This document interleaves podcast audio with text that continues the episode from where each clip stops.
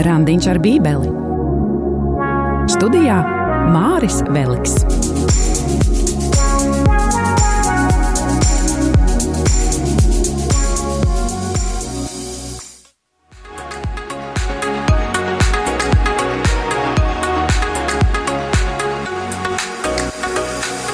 Randiņš ar Bībeli jau astotā epizode.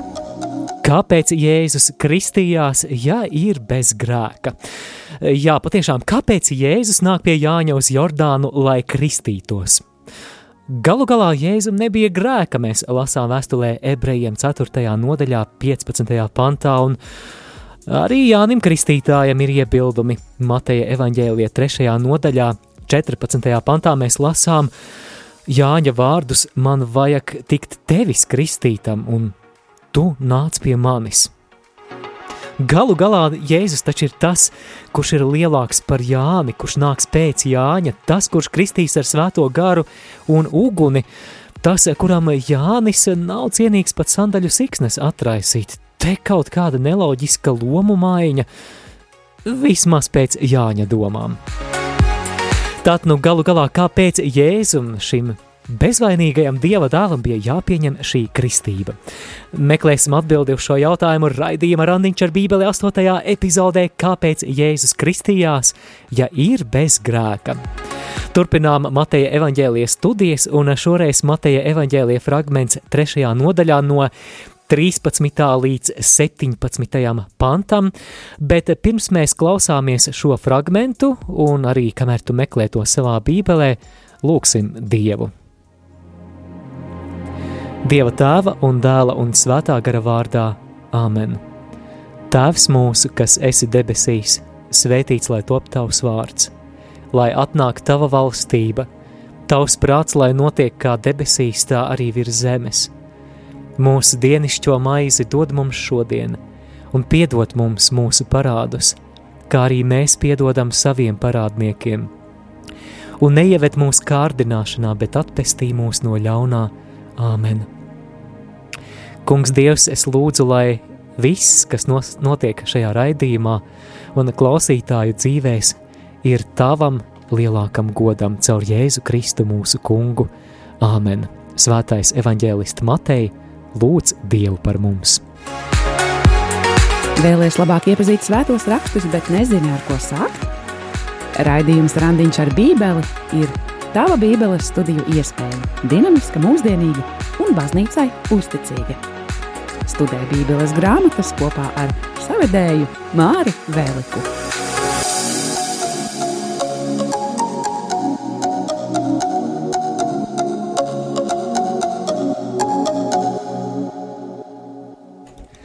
Klausāmies Mateja evaņģēlija fragmentu, Mateja evaņģēlija trešā nodaļa no 13. līdz 17. pantam.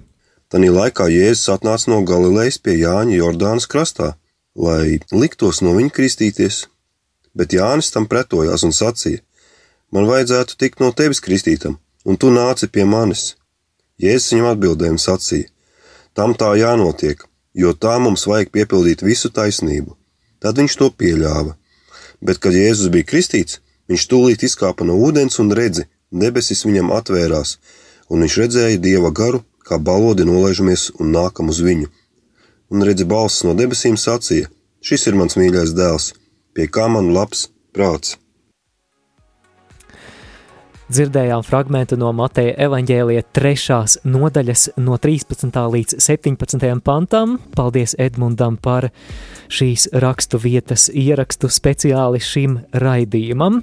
Tad no centrālais jautājums ir, kāpēc Jēzus kristījās, ja ir bez grēka? Mēs dzirdējām 14. pantā, ka Jānis Jēzu atturēja sacīdams, man vajag tikt tevis kristītam un tu nāc pie manis. 15. pantā mēs lasām Jēzus atbildi un mēģināsim saprast, ko tad Jēzus šeit mēģina pateikt. Jēzus Jānim atbildēja, tam tā jābūt, jo tā mums pienākas izpildīt visu pēc taisnības. Tad Jānis viņam atļāva.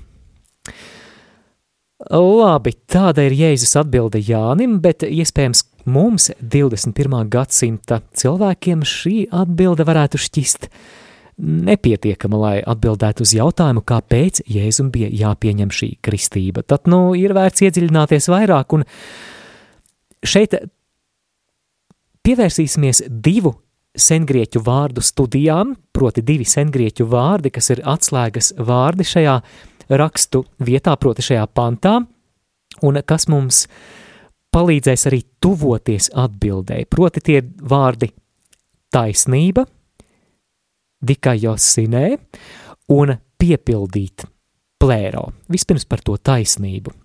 Atceramies, ka 15. pantā Jēzus saka, tā mums pienākas izpildīt visu pēc taisnības, dikajosinē. Mateja evaņģēlijā šis vārds taisnība ir eh, lielākoties lietots apzīmējot pareizu morālu rīcību, kad mēs paklausām Dievam, kad mēs paklausām Dieva gribai. Šādā nozīmē tad Jāņa kristība ir kaut kas Dieva gribēts, mēs nešaubāmies, ka aiz tā ir Dieva plāns, aiz tā ir Dieva prāts, ka tā lielā mērā ir Dieva apstiprināta, tas ir tāds īpašs viņa uzaicinājums atgriezties, nožēlot grēkus, un ja tā, tad Šādā nozīmē tas ir taisnīgi atsaukties tam kā kaut kam labam. Tomēr nākamais vārds, kuram mēs pievērsīsimies, proti piepildīt plēro, ļauj mums atklāt vēl dziļāku šī panta nozīmi. Vārds piepildīt plēro, un atceramies, ka šajā trešās nodaļas 15. pantā šo vārdu mēs jaunajā tulkojumā atrodam šādu izteiktu, tam tā jābūt, jo tā mums pienākas izpildīt plēro, visu pēc taisnības. Matejs šo vārdu savā evaņģēlijā lieto 16 reizes, un kas ir interesanti, ka gandrīz visos gadījumos, kad šis vārds plēro jeb izpildīt, piepildīt ir lietots, Tas attiecas uz svēto rakstu piepildīšanos, proti uz vecās derības rakstu vietu piepildīšanos. Piemēram, šis vārds plēro, piepildīt, izpildīt, lietots tā saucamajos piepildījuma citātos no vecās derības. Atcerēsimies, piemēram, pirms dažiem raidījumiem mēs aplūkojām Mateja evaņģēlie pirmo nodaļu no 22. līdz 23. pantam, kur ir teikts, bet tas viss noticis, lai piepildītos, atkal šis plēro, ko kungs caur pravieti runājis. Redzi, jaunava taps grūta un dzemdēs dēlu, un viņu nosauks vārdā Immanuēls. Tulkojumā Dievs ir ar mums. Tātad, lai piepildītos, ko kungs caur pravieti runājis. Līdzīgi šis vārds pie Mateja ir lietots arī citās atsaucēs uz kādām vecās derības rakstu vietām, kuras savu pilnīgo piepildījumu piedzīvo tieši Jēzus Kristus personā, un tas mums liek domāt par kādu dziļāku nozīmi, proti, tas, ka Jēzum ir jānāk kristīties, ir sakars ar to, ka caur šo Jēzus soli piepildās kaut kas svarīgs Dieva pestīšanas plānā. Gluži kā Šīs vecās derības rakstu vietas, kuras Matejs savā evaņģēlijā citē, demonstrējot, ka līdz ar Jēzus atnākšanu tās piedzīvo pilnu piepildījumu, tad, nu, Jēzus kristībai arī ir sakars ar Dieva pestīšanas plāna piepildījumu, pilnīgu aktualizāciju. Tātad kristība šeit, Jordānā, ir daļa no šī plāna piepildīšanās, un mēs arī redzēsim pēc brīža, ka tieši šī kristība kļūst par brīdi, kad Jēzus kā mesija saņem svaidījumu, kad svētais gars nonāk pār viņu redzamā veidā, un viņš šeit arī šajā kristības brīdī saņem tēva apstiprinājumu savam dieva dēla statusam, un par to mēs lasām 16. pantā.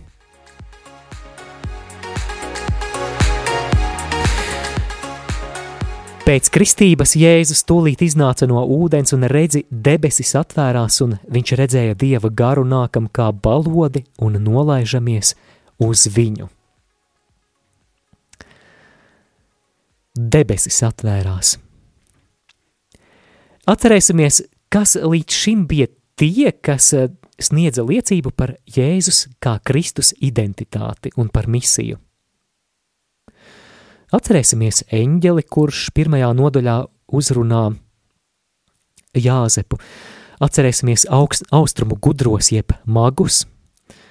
Atcerēsimies arī Jāni Kristītāju, kurš sludina Jēzu, kā to, kuram ir jānāk pēc viņa. Tagad debesis atvērās, un tas nozīmē, ka tūlīt sekos arī kāda īpaša dieva atklāsme, kāda dieva atklāšanās, un tātad šis ārkārtējais notikums, proti šī debesu atvēršanās, ievada paša dieva tiešu un nepastarpinātu atklāsmi par to, kas ir Jēzus. Debesis atveras plaši vaļā, un tagad pats Dievs ir tas, kurš atklāja kaut ko svarīgu par savu dēlu Jēzu, šoreiz bez jebkādiem starpniekiem. Šī vīzija pie Jordānas upes ietver arī dieva gara nonākšanu, kurš nāk pār Jēzu. Vēlreiz izlasīsim 15. pantu, 16. atvainojos pantu, un uh, sekojam arī līdzi savās bībelēs. Es lasīšu no 2012. gada tulkojuma. Pēc kristīšanas Jēzus tūlīt iznāca no ūdens un redzi debesis atvērās, un viņš redzēja dieva garu nākam kā balodi un nolaižamies uz viņu. Vai šī ir pirmā Jēzus saskaršanās ar svētko, svēto garu? Nu, protams, ka nē. Mēs jau no Mateja evaņģēlija pirmās nodaļas 20. panta zinām, ka Jēzus ir ieņemts no svētā gara. Šeit, pie Jordānas, svētā gara nonākšana nozīmē, ka Jēzus saņem svaidījumu kā Izrēļa mesija, kā Izrēļa svaidītais. Atcerēsimies, ka vecajā derībā brīdī, kad ķēniņi saņēma savu svaidījumu, pār viņiem reizēm nonāk svētais gars tādā ļoti ārkārtējā veidā.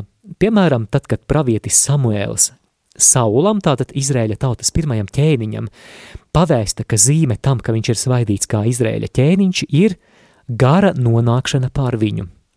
Mēs par to lasām 1. Samuēla grāmatā 10. nodaļā, 6. pantā, spēji pār tevi nāks kunga gars, un tu pravietosi.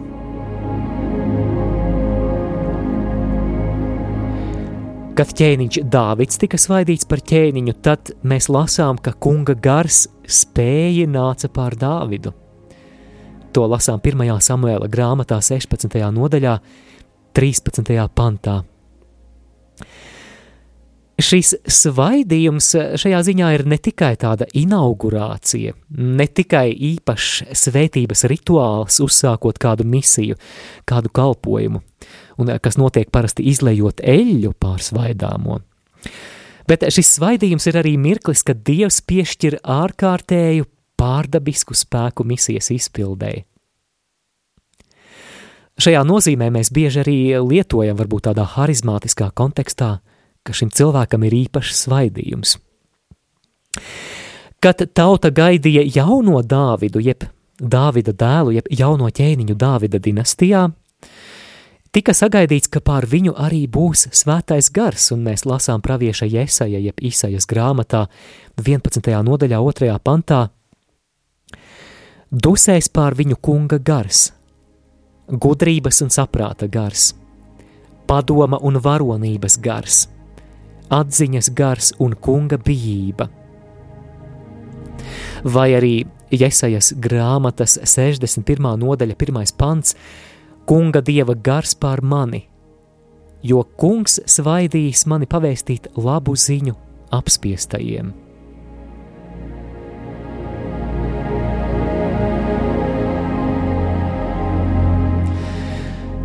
Svētā gara nonākšana pār Jēzu ievada misiju, kuru Jēzus īstenos kā apsolītais mesija. Arī apakstuļu darbu grāmatā, desmitajā nodaļā, no 37. līdz 38. pantam, mēs lasām apakstuļa Pētera vārdus, kurš apraksta Jēzus kristību kā svaidījumu ar svēto garu, un aicināšu ieklausīties šajos vārdos no, no apakstuļu darbu grāmatas desmitās nodaļas, un patiešām tas ir tik interesanti, kā, kā svētie raksti komentē svētos rakstus. Mēs redzam, kā dažādas rakstu vietas saužās tādā interesantā harmonijā. Tad nu lasu šo fragmentu. Jūs to zināt, kas noticis visā jūdejā jau no Galilejas, kad Jānis pasludināja kristību. Kad Dievs Jēzu no nāceretes ir svaidījis ar svēto garu un spēku.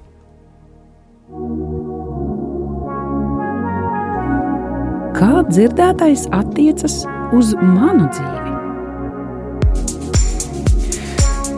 Šeit tāda neliela pārdomu atkāpīte, tāda tā nebūs tāda gluži šīs rakstu vietas ekseģēze, bet pārdomas par kādiem principiem šajā tekstā, kas, manuprāt, ir aktuāli ikvienam no mums. Un jautājums klausītāji, vai tu esi svaidīts ar svēto garu un spēku? Mēs nu pat dzirdējām fragment no apakstuļu darbu desmitās nodaļas, 38. pants par Jēzu no Nācaretes, kurš, kuru Dievs ir svaidījis ar svēto garu un spēku. Iespējams, ka tu kalpo, tu pūlies, bet vai svētais gars ir pār tavu kalpošanu? Protams, jau kristības brīdī mēs topam par svētā gara templi, par to nav šaubu. To mēs lasām katoliskās baznīcas katehismā, tas ir neapšaubāmi. Svētais gars ir tevī, bet vai tu viņam ļaujies? Vai tu klausītāji, ar viņu sadarbojies. Arī iestiprināšanas sakramentā tu saņem svētā gara dāvanas, tu, tu saņem spēku savai misijai, bet kārtām dāvanām nereti mēdz būt, tās bieži vien paliek iepakotas plauktiņos. Arī ar mani tā bija. Un tāpēc man, man patīk tas, ka katoļu harizmātiskā atjaunotne ir tā kustība baznīcas ietvaros, kas īpaši uzsver pieredzi, ko tādā harizmātiskā teoloģijā dēvē par kristību svētajā garā. Un te jāpiebilst, ka tas nav kāds cits sakraments. Tas ir brīdis, kad mēs beidzot piedzīvojam īpašu atvērtību tam, ko sakramentos mēs jau esam saņēmuši. Tā ir šī sakramentālās žēlastības aktualizācija. Manuprāt, tas ir ļoti svarīgi, jo Atzīsim, kā ir. Jūs droši varat man oponēt un arī iesaistīties ēterā, bet uh, ko jūs domājat par uh, sagatavošanu iestiprināšanas sakramentam, kā tā notiek? Manuprāt, tā ir ļoti vāja. Un sanāk tā, ka bērni un arī pieaugušie, kas pieņem šo iestiprināšanas sakramentu, saņem šo sakramentu bez ilgām piedzīvot jaunu svētā gara izliešanos. Tātad bez šīs nepieciešamās atvērtības, lai svētais gars patiešām vareni darbotos. Un katoliskā baznīca māca, ka jebkurā gadījumā šis sakraments ir, ir derīgs, tas, tas ir, jūs saņemat šīs svētā gara dāvana, šo svētā gara stiprinājumu, bet ir nepieciešams arī šis sadarbības moments. Lai svētais gars patiešām varētu darboties ar spēku mūsu dzīvē, un Interesanti, ka Jēzus publiskā darbība sākas ar svētā gara nonākšanu. Mēs lasījām apakstuļu darbu grāmatā šajā desmitajā nodaļā, ka Dievs Jēzu no nāceretes ir svaidījis ar svēto garu un spēku. Un mēs patiešām redzam šo spēku Jēzus kalpošanā, vēlāk arī apakstuļu kalpošanā. Mēs zinām, ka Jēzus ir patiesas Dievs un patiesas cilvēks, un kā cilvēkam Jēzum pirms viņš sāk sludināt un darīt brīnumus. Arī ir nepieciešama šī svētā gara nonākšana, kas ir šis īpašais svaidījums, šis stiprinājums viņa publiskajai kalpošanai. Un ja jau Jēzum tas ir vajadzīgs, tad vēl jau vairāk mums ir vajadzīga svētā gara nonākšana ar spēku. Mēs šo paraugu ļoti labi redzam arī apstuļu kalpošanā. Mēs zinām, ka apstuļi apmēram trīs gadu garumā ir nemitīgi kopā ar Jēzu dienām un naktīm, visos ceļojumos, visos priekos un grūtībās, un varētu teikt, ka tas ir tāds trijus gadus ilgstošs, intensīvu apmācību kurs pie Jēzus. Un varētu teikt, kur nu vēl labāks seminārs vai teoloģijas un praktiskās kalpošanas skola, Un varētu šķist, ka visi apstuļi caur to ir gatavi darīt lielas lietas un izmainīt pasauli, bet tomēr nē. Jēzus pirms augšām, tātad pirms Jēzus, šis augšām celtais Jēzus sūta mācekļus sludināt mēs Lūkas evaņģēlija 24. nodaļā, 49. pantā lasām, bet jūs palieciet pilsētā, līdz tapsiet ietērpti spēkā no augšienes.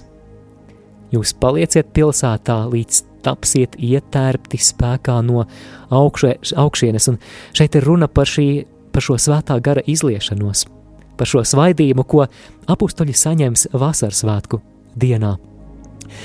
Apstuļu darbu grāmatas pirmā nodaļa, astotais pants. Jēzus saka, bet jūs saņemsiet svētā gara spēku, kas nāks pār jums – un jūs būsiet mani liecinieki gan Jeruzalemē un visā Jūdejā, un līdz pat pasaules galam. Tātad nevis otrādi, nevis vispirms liecinieki, bet vispirms saņemsiet svētā gara spēku, un tad jūs būsiet mani liecinieki līdz pat pasaules galam. Un, dārgo klausītāji, es esmu pilnīgi pārliecināts, ka es nekalpotu un droši vien arī neveidotu raidījumu randiņš ar bībeli, ja es savās attiecībās ar Dievu nebūtu piedzīvojis šo kristības brīdi svētajā garā. Un uh, tā ir revolūcija, kas, kas manuprāt, ir nepieciešama ikvienam kristietim, revolūcija, kas jāpiedzīvo mūsu sirds dziļumos, jo šī svētā gara izliešanās palīdzēja man piedzīvot svētos rakstus kā dzīvu Dieva vārdu. Uh, Tas palīdzēja sākt kalpot gan slavēšanā, gan sludināšanā, aizlūkšanā. Tāpēc, dārgo klausītāji, nebaidies no svētā gara, ilgojies pēc viņa.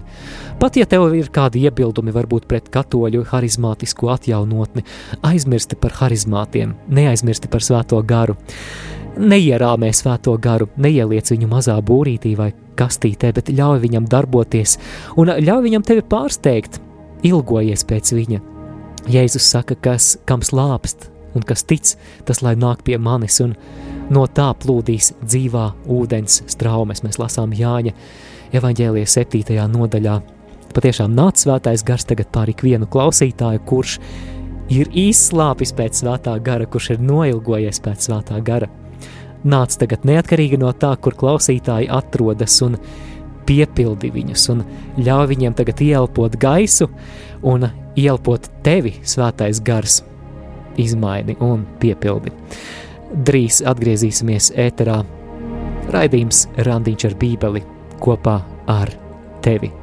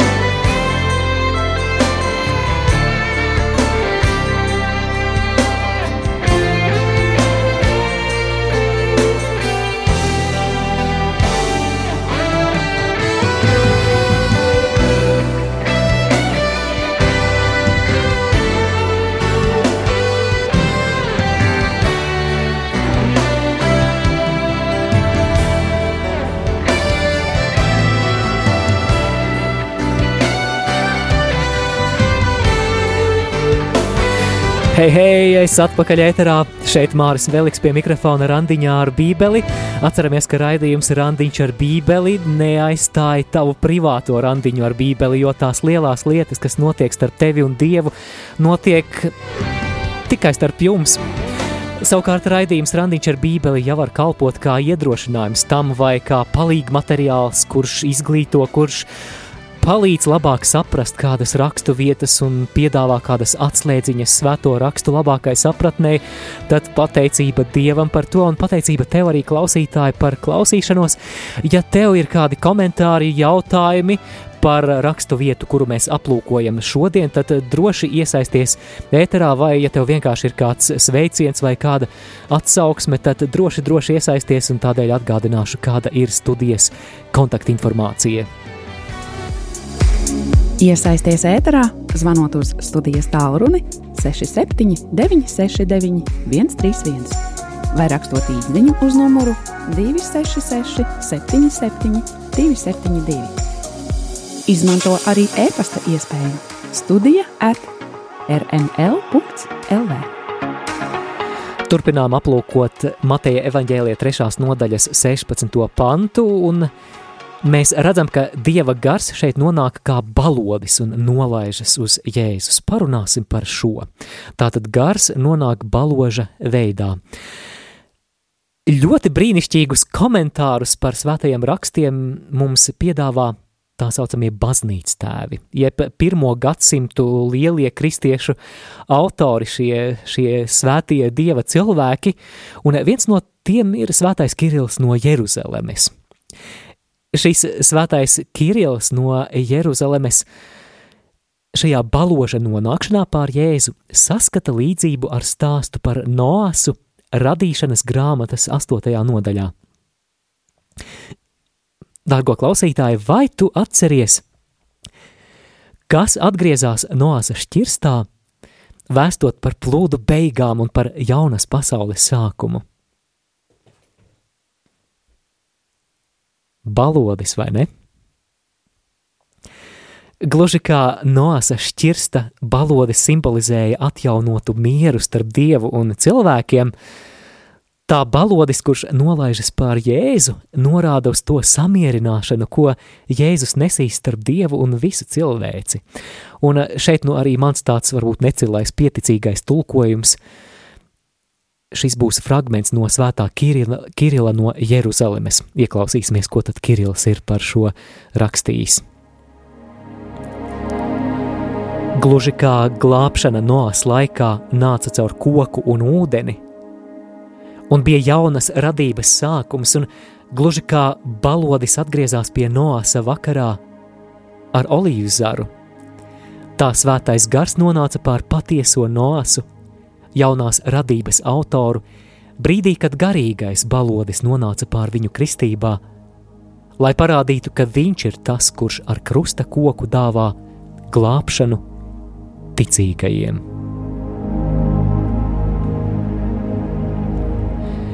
Pievēršamies Mateja evaņģēlija 3. nodaļas 17. pantam.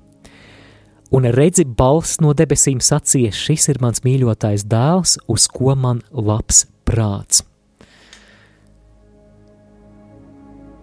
Vēlreiz šeit mēs atgriežamies pie šīs fantastiskās atziņas, ka Bībele skaidro Bībeli, ka kādas Bībeles raksturvietas ir lielisks komentārs kādām citām Bībeles raksturvietām, un tas viss saužas, veidojot tādu skaistu rakstu vai, vai gobelēnu. Mēs eh, šeit arī redzēsim šajā pantā, kā vecās derības pavadieni ir iaudušies jaunajā derībā, parādot vecās derības piepildījumu Jēzu. Nāk prātā svētā Augustīna vārdi, ka jaunā derība ir apslēpta vecajā derībā, savukārt vecā derība ir piepildīta jaunajā derībā. Un šie debesu tēva vārdi, kurus mēs lasījām 17. pantā, šis ir mans mīļotais dēls, uz ko man labs prāts, ietvera vairākas norādes uz vecās derības tekstiem, kurus mēģināsim arī secīgi aplūkot. Pirmkārt, tēva balss atbalso pravieša Jesaja jeb Īsajas grāmatas 42. nodaļas pirmo pantu. Tā meklējam, kur ir Jesajas 42. nodaļa, pirmais pants. Tas ir pirmais pants tādā dziedājumu sērijā par kunga kalpu. šie dziedājumi par kunga kalpu ir atrodami pravieša Jesajas grāmatā no 42. līdz 43. nodaļai, un tas, ko pravietis šeit vēlas par šo kunga kalpu pateikt, ir, ka šis kalps atjaunos Izrēli un nesīs pestīšanu līdz pat zemes malām, panākot to caur ciešanām un savas dzīvības upurēšanu. Mēs par to lasām par šī kunga kalpa ciešanām arī liturģijā lielajā piekdienā no 53. nodaļas. Jesaja iepriekš pasludināja, ka dievam patiks viņa kalps, un viņš liks pār viņu savu garu. Un tagad citēju 42. nodaļas pirmo pantu,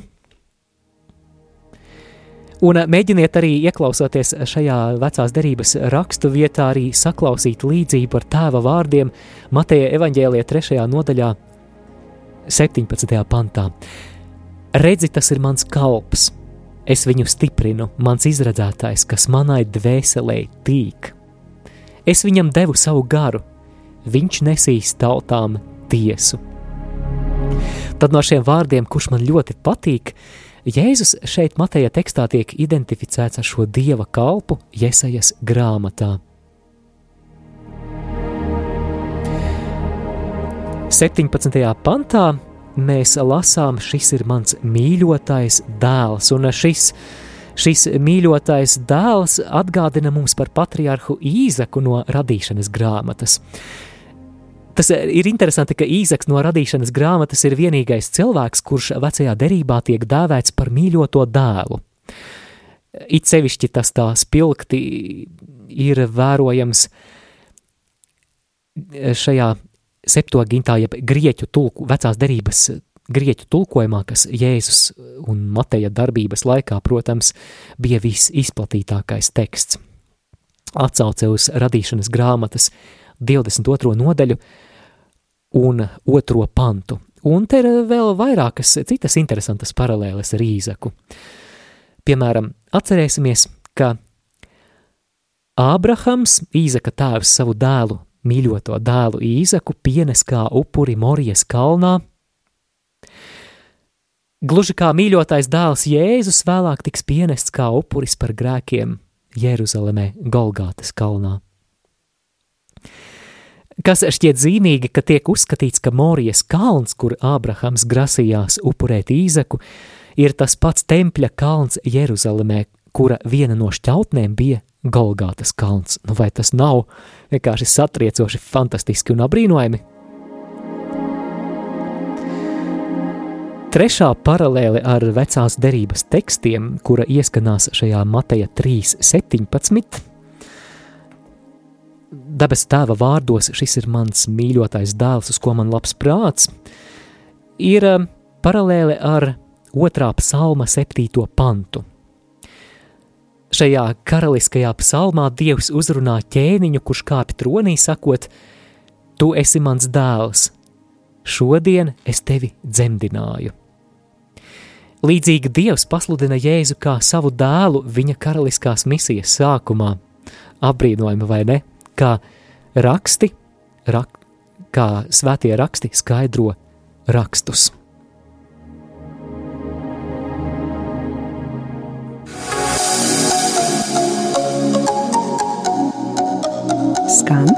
Randiņš ar bībeli.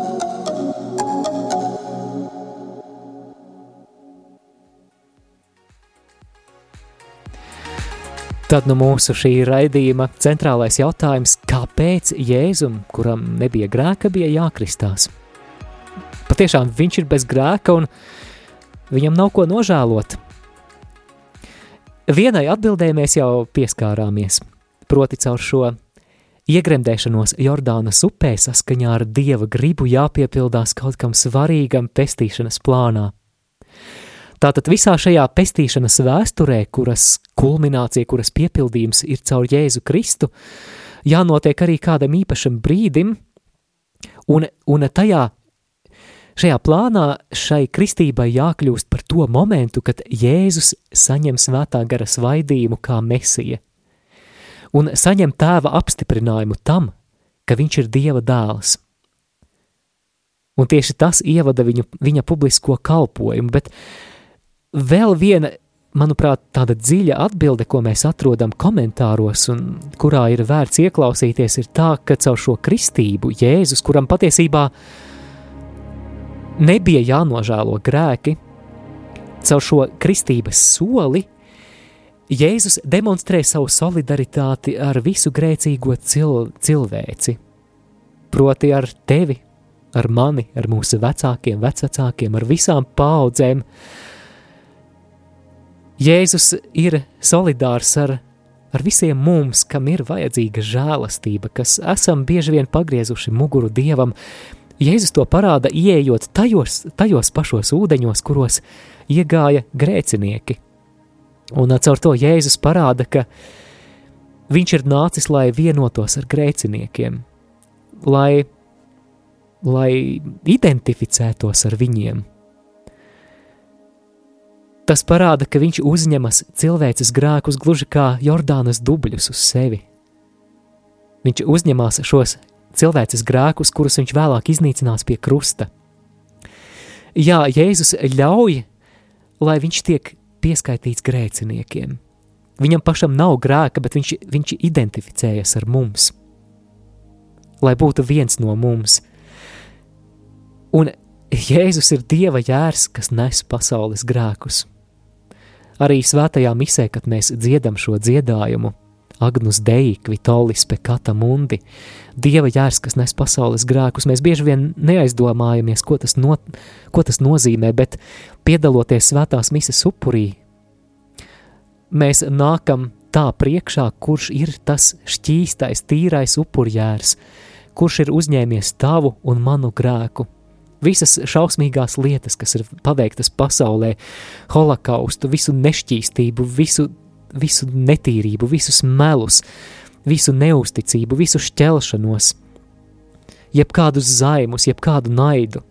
Viņš ir Dieva jērs, kas nes pasaules grēkus, kas uzņemās tos uz sevi. Tad nu, šādā nozīmē Jēzus un Jānis rīkojas saskaņā ar tēva plānu un piepilda to, kas ir taisnīgs. Uz saviem pleciem Jēzus uzņemas visas cilvēces vainu, un, manuprāt, vēlāk eh, apustulis Pāvils otrajā vēstulē korintiešiem 5. nodaļā 21. pantā raksta tādus pārce, pārsteidzošus vārdus, atainojot šo pašu patiesību, par kuru mēs runājam. Es citēju tātad Pāvilu no otrās vēstules korintiešiem 5. nodaļa 21. pants. Viņu, kas grēku nepazina, proti par Jēzu šeit ir runa, viņš mūsu dēļ padarīja par grēku, lai mēs viņā taptu par Dieva taisnību.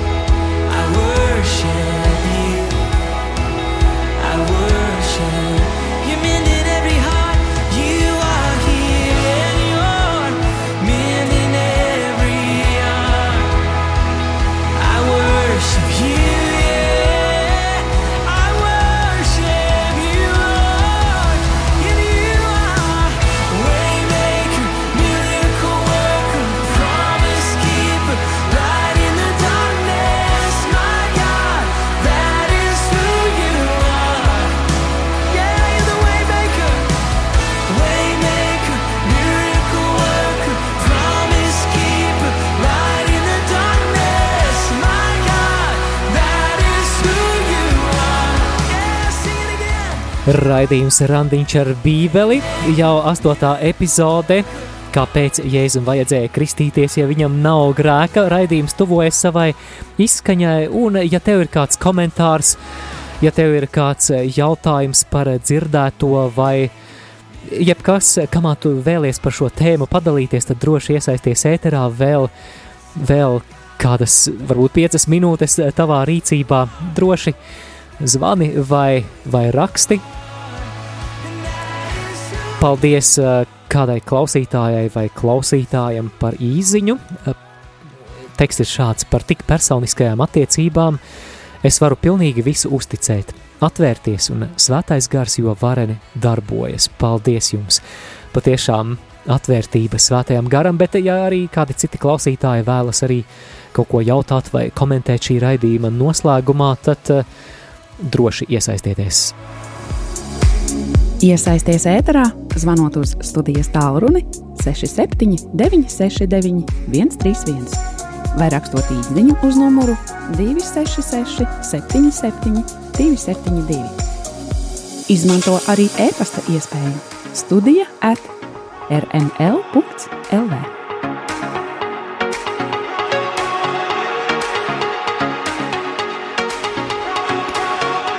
Nu, rekā mums Marta ir uzrakstījusi. Paldies, Marta, par īsiņu. Marta raksta, paldies par tik brīnišķīgu un iedvesmojošu randiņu ar Bībeli. Paldies, Marta, paldies par šo iedrošinājumu. Bet uh, noslēgumā, protams, arī, ja tev ir klausītāji kāds komentārs, droši iesaisties, bet arī noslēguma pārdomas. Vispirms, lai arī Jāņa kristība nav kristības sakraments, un mēs par to runājām arī iepriekšējā epizodē, šis Jēzus kristības brīdis attēlo kristības žēlastības, kuras kristībā saņemam mēs. Proti, tev tiek kristībā piedoti grēki, pār tevi atskan tēva balss. Šis ir mans mīļais dēls, šī ir mana mīļā meita. Piemēram, par Martu kristības brīdī, kur atrakstīja tagad īziņu. Dievs teica, Marta, tu esi mana mīļotā meita. Klausītāji Jāni, tu esi Dieva mīļotais dēls caur kristību. Anna, tu esi Dieva mīļotā meita. Kristībā mēs kļūstam par svētā gara templi, pats svētais gars iemājo mūsos. Mēs katoliskās baznīcas katehismā lasām, ka caur kristības sakramentu mēs topam par Kristus miesas locekļiem, par Dieva bērniem un par svētā gara templi. Un, manuprāt, šis ir tāds materiāls praktiskam šī vārda pielietojumam. Tātad, lai arī šī Jāņa kristība, ko Jānis piedāvā, tā, tas nav vēl kristības sakraments, bet tā kā šeit ir šīs paralēles ar kristības sakramentu, un, manuprāt, tas ir tik brīnišķīgs materiāls mūsu personiskajai lūkšanai. Tādēļ Tad, kad meklēsi Dievu, tad, kad nāksi savā lūkšanu kambarī, tad kāda slavēšana vai pateicība, kuru veltīt vari Dievam, varētu būt pateikties par kristību un par tajā saņemtajām žēlastībām. Saki, paldies tev par kristību! Vai es to atceros vai nē, bet paldies tev! Paldies tev, Dievs, ka es esmu tavs bērns, ka es esmu tavs mīļotais dēls, ka es esmu tava mīļotā meita. Paldies tev, kungs, par grēku piedošanu, par jaunu dzīvi, ko tu dāvā. Paldies, ka es varu būt Kristus miesas loceklis. Paldies, ka es varu piederēt baznīcai. Dargo klausītāji, es vēlos arī jautāt, vai tu esi aicinājis Jēzu savā dzīvē kā savu pestītāju un kungu? Jo varbūt tu esi kristīts, bet varbūt tev nav personisku attiecību ar Jēzu. Tas, protams, nenozīmē, ka kristība ir nederīga. Varbūt vienkārši tu nesadarbojies ar tām žēlastībām, kas dotas, un ar to, kurš ir šo žēlastību devējis, proti, ar Jēzu. Proti, vai esi kaut kad lūkšanā, vienkārši tādā personiskā lūkšanā lūdzis dziļākas attiecības ar Jēzu? Varbūt arī kāds nejauši tikko ir ieslēdzis šo jocīgo radiostaciju, vai tu esi devis savu dzīvi Jēzum, vai arī tu mēģini būt par saimnieku, un kādus, kādus augļus tas nes tavā dzīvē? Ja nē, tad uh, Jēzus gaida tavu jāvārdu, jo viņš respektē tavu brīvību un autonomiju. Tikai caur tavu jā, visās dzīves sfērās, viņa darbs tevī būs pilnīgāks. Bez Jēzus mēs nekā nespējam. Tu, tu nevari nopelnīt debesis, lai arī kā tu censtos. Tu nevari to nopelnīt, tu nevari nomazgāt savu grēku. Tikai Jēzus, viņš ir centrā. Ieaicini viņu savā dzīvē, nebaidies, vai tev gabals atkritīs, vai?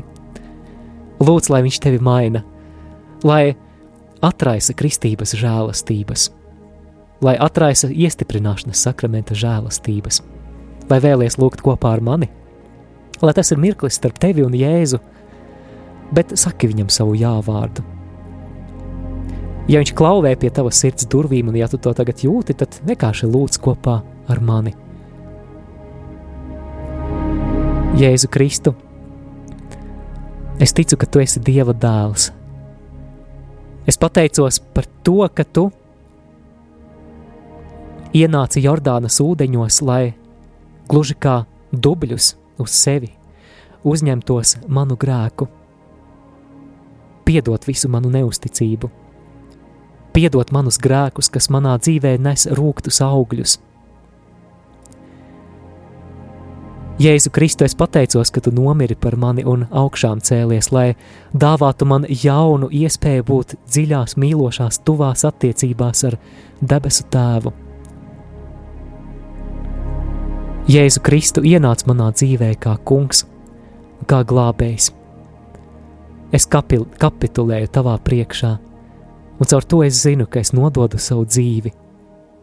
Visus simts procentus, pagātni, lai arī kāda tā būtu, tagadni un nākotni visdrošākajās rokās. Nāc, kungs, Jēzu!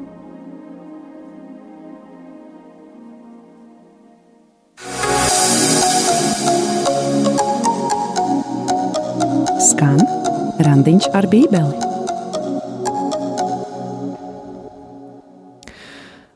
Laiks noslēgt mūsu tikšanos randiņā ar Bībeli. Vēlreiz atgādinu, ka raidījums Randiņš ar Bībeli neaizstāja tavu personisku, individuālu randiņu ar Bībeli, gluži kā uztura bagātinātājs neaizstāja sabalansētu uzturu. Dārgo klausītāji, vēlos arī tevi mudināt uh, iesaistīties ar saviem komentāriem, ko tu vēlētos, lai šajā raidījumā es uzlabotu, jo es vēl meklēju to labāko un klausāmāko formātu, lai patiešām šis raidījums varētu kalpot kā, kā brīnišķīgs palīga līdzeklis tavā garīgajā dzīvē, tavās attiecībās ar Jēzu. Un ja tev ir kādas pārdomas, kā šo raidījumu labāk veidot, tad droši sūti e-pastu jebkurā laikā uz adresi randiņš ar bībeli at gmail.com. Uzklausīsim arī, kas klausītājiem sakāms, lūdzu. Jūs esat ēterā, lūdzu. Jā, nu nedz, nedzirdam klausītāju. Un tad vēl viena lieta, ko es arī pašā noslēgumā vēlējos teikt, arī ja klausāties šo raidījumu atkārtojumā, vai ja klausāties šo raidījumu arhīvā, tad uh, droši šērojiet sociālajos tīklos, tādējādi palīdzot šim raidījumam aizsniegt iespējami vairāk cilvēku, un tādējādi jūs man palīdzēsiet arī šī raidījuma misijā cīnīties ar biblisko analfabētismu un veicināt bībeles lasīšanas kultūru mūsu draudzēs. Paldies par klausīšanos, esi svētīts, lai ir slavēts Jēzus Kristus.